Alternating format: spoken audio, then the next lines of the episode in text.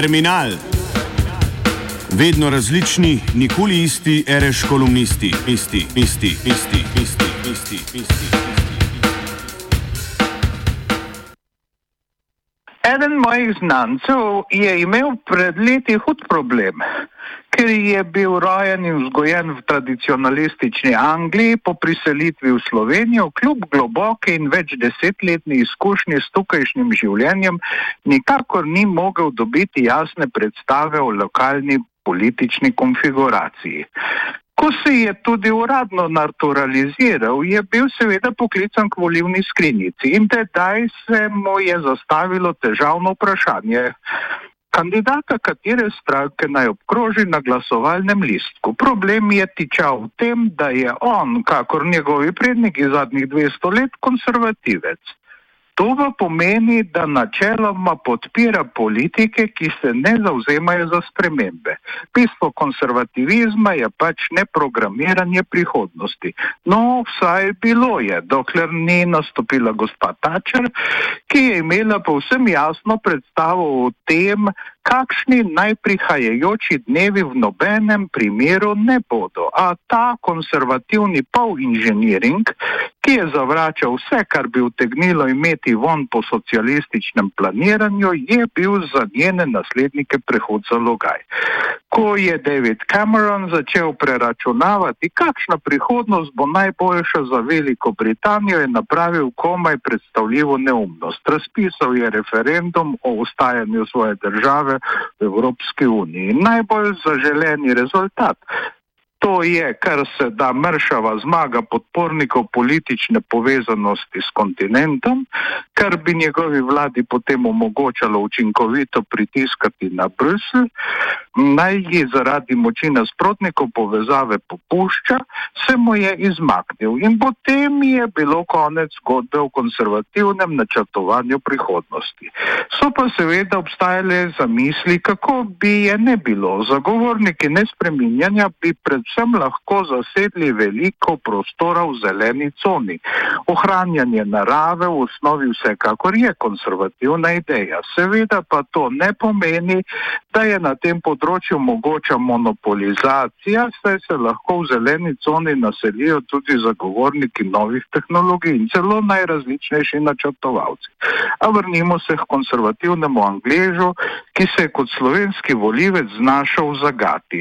Če bi hotel, da se nič ne spremeni, bi moral glasovati za komuniste oziroma za nič kaj diskretno prepleskane dediče njihovih organizacij, pa naj si sami pravijo kakorkoli. Kar nekaj imen imajo, vendar kljub temu, kljub temu jasno, kdo so. A v tem hipu se porodi vprašanje, kako naj konservativec, posebej tak, ki pripada rodu, katerega pripadniki že 200 let niso podprli nobenega načrtovalca sprememb, voli komunista. Če to stori, ne bo več zvest svojemu dojemanju sveta. Angliški slovenec se je iz zagate izvil z volivno abstinenco. Ta rešitev je bila le zasilna. Konservativec je načeloma aktiven, saj ne more želeti, da ga dejavnost drugih postavi v svet dirigiranih sprememb. Anekdotični pripetljaj, ob katerem smo se pomodili, razkriva globoko težavo politike v Sloveniji. V generalnem smislu na polu, ki se ima za levega, niso brezkompromisni zagovorniki sprememb, temveč določenega izročila. Že res, da so tudi med njegovimi predstavniki včasih pojavi nezadovoljstvo s posameznimi elementi obstoječega stanja, to da to ne pomeni tudi zauzemanje za radikalne novosti. Se menda, ja, kdo ne misli, da denimo prononcirani levičarski direktori in eksdirektori znanstvenih ustanov demonstrirajo proti sebi, ko se ustrajno pojavljajo na shodih za več raziskovalnega denarja. So se morda ugradili od česar koli, pri čemer so bili vidno, se pravi več in celo mnogo mandatno zraven, so se kdaj proti kapitalu, ki ga njihove javne besede globoko zaničuje, borili drugače, kakor s tem, da so dopustili njegovo neproduktivno izhlapevanje v javni sferi. So storili vsaj kaj simbolno radikalno protestnega, so se morda demonstrativno odpovedali kakšni počastitvi strani drugih teatrjev stvarnosti. Je kdo, kakor svoj čas veliki primerjalni jezikoslovec Karel Oštir celo izstopil iz akademije ali kakšne druge učene družbe, pokojni Janez Drnovšek je izumil sjajno formulo za odgovor na vsa ta vprašanja. Ni videti. Vse je izrečeno z njo in vsem je tudi odgovorjeno, vendar hkrati tudi ni nič zatrjeno. Varnost pri delu je pač pomembna. V deželi tožbarjev, lažnivih prič in vrhovnih sodnikov, ki nikoli niso rešili niti prvostopenske pravde za pol kvadratnega metra zemlje, še posebej. In kamorkoli človek pogleda, je pri nas, kje je kakšna zares nova ideja, brez katere resne levice ni. Se oznanja kakšna misel ki ni bila pretresena že pred desetletji. Je na zelo široki levi strani kakšna nova strategija pridobivanja podpore med ljudmi. Obetanje hudega in ponudbe, ki se jih ne da odkloniti v to kategorijo, pač ne sodijo. Kaže, da si je spet treba pomagati z drdovškovo formulo, ni videti. Vse vsot pri nas je samo spor okoli izročila in njegovega razumevanja. Nekaj izvirnosti je zmogel zgolj Slavoj Žižek, ki pred leti razlagal, kako filozofska da je slovenska politika. Njej naj bi šlo za merjenje moči med Lakanovci in Heideggerjanci. Pa vendar, tako prvi kot drugi so že davno na sceni, tudi v politiki in to v izvirni, nepoenostavljeni obliki, v kakršni jih večinoma srečujemo na slovenskem.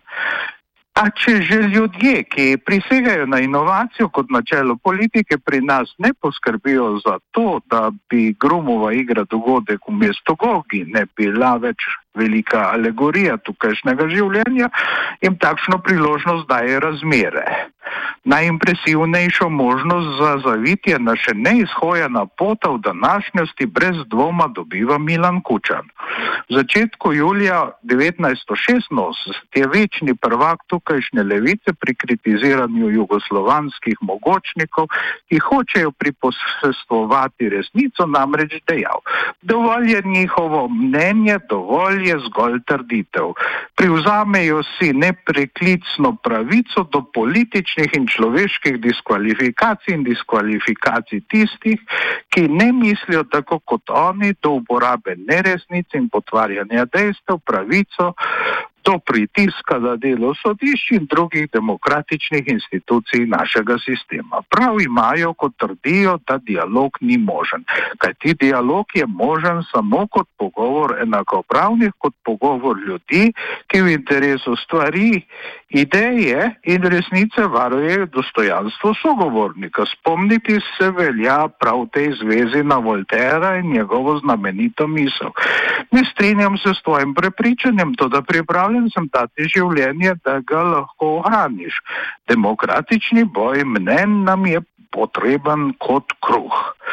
Doslej se je Kučan seveda ravnal po svojih besedah. Spominjal se je domnevno Volterovih besed ter razglabljal prav in narobe.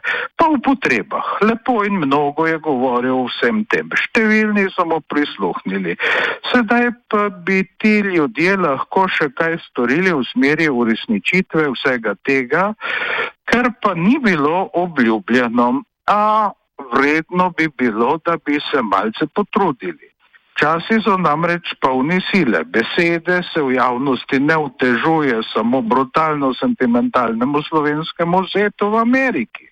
Najpomembnejšemu političnemu novemu obrazu naših dni, temveč celo radio študent. Stvari on stran oceana bodo vsekakor uredili tam, tu pa jih moramo sami. Tako, da nihče ne bo ostal brez besede. To pa bo res nekaj novega in tudi vidno bo. Terminal je pripravil Igor Grdina.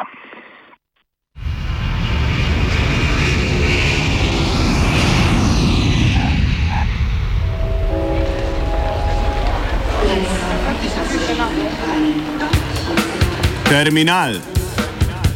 Vedno različni, nikoli isti, reš kolumnisti, isti, isti, isti, isti. insiste. insiste.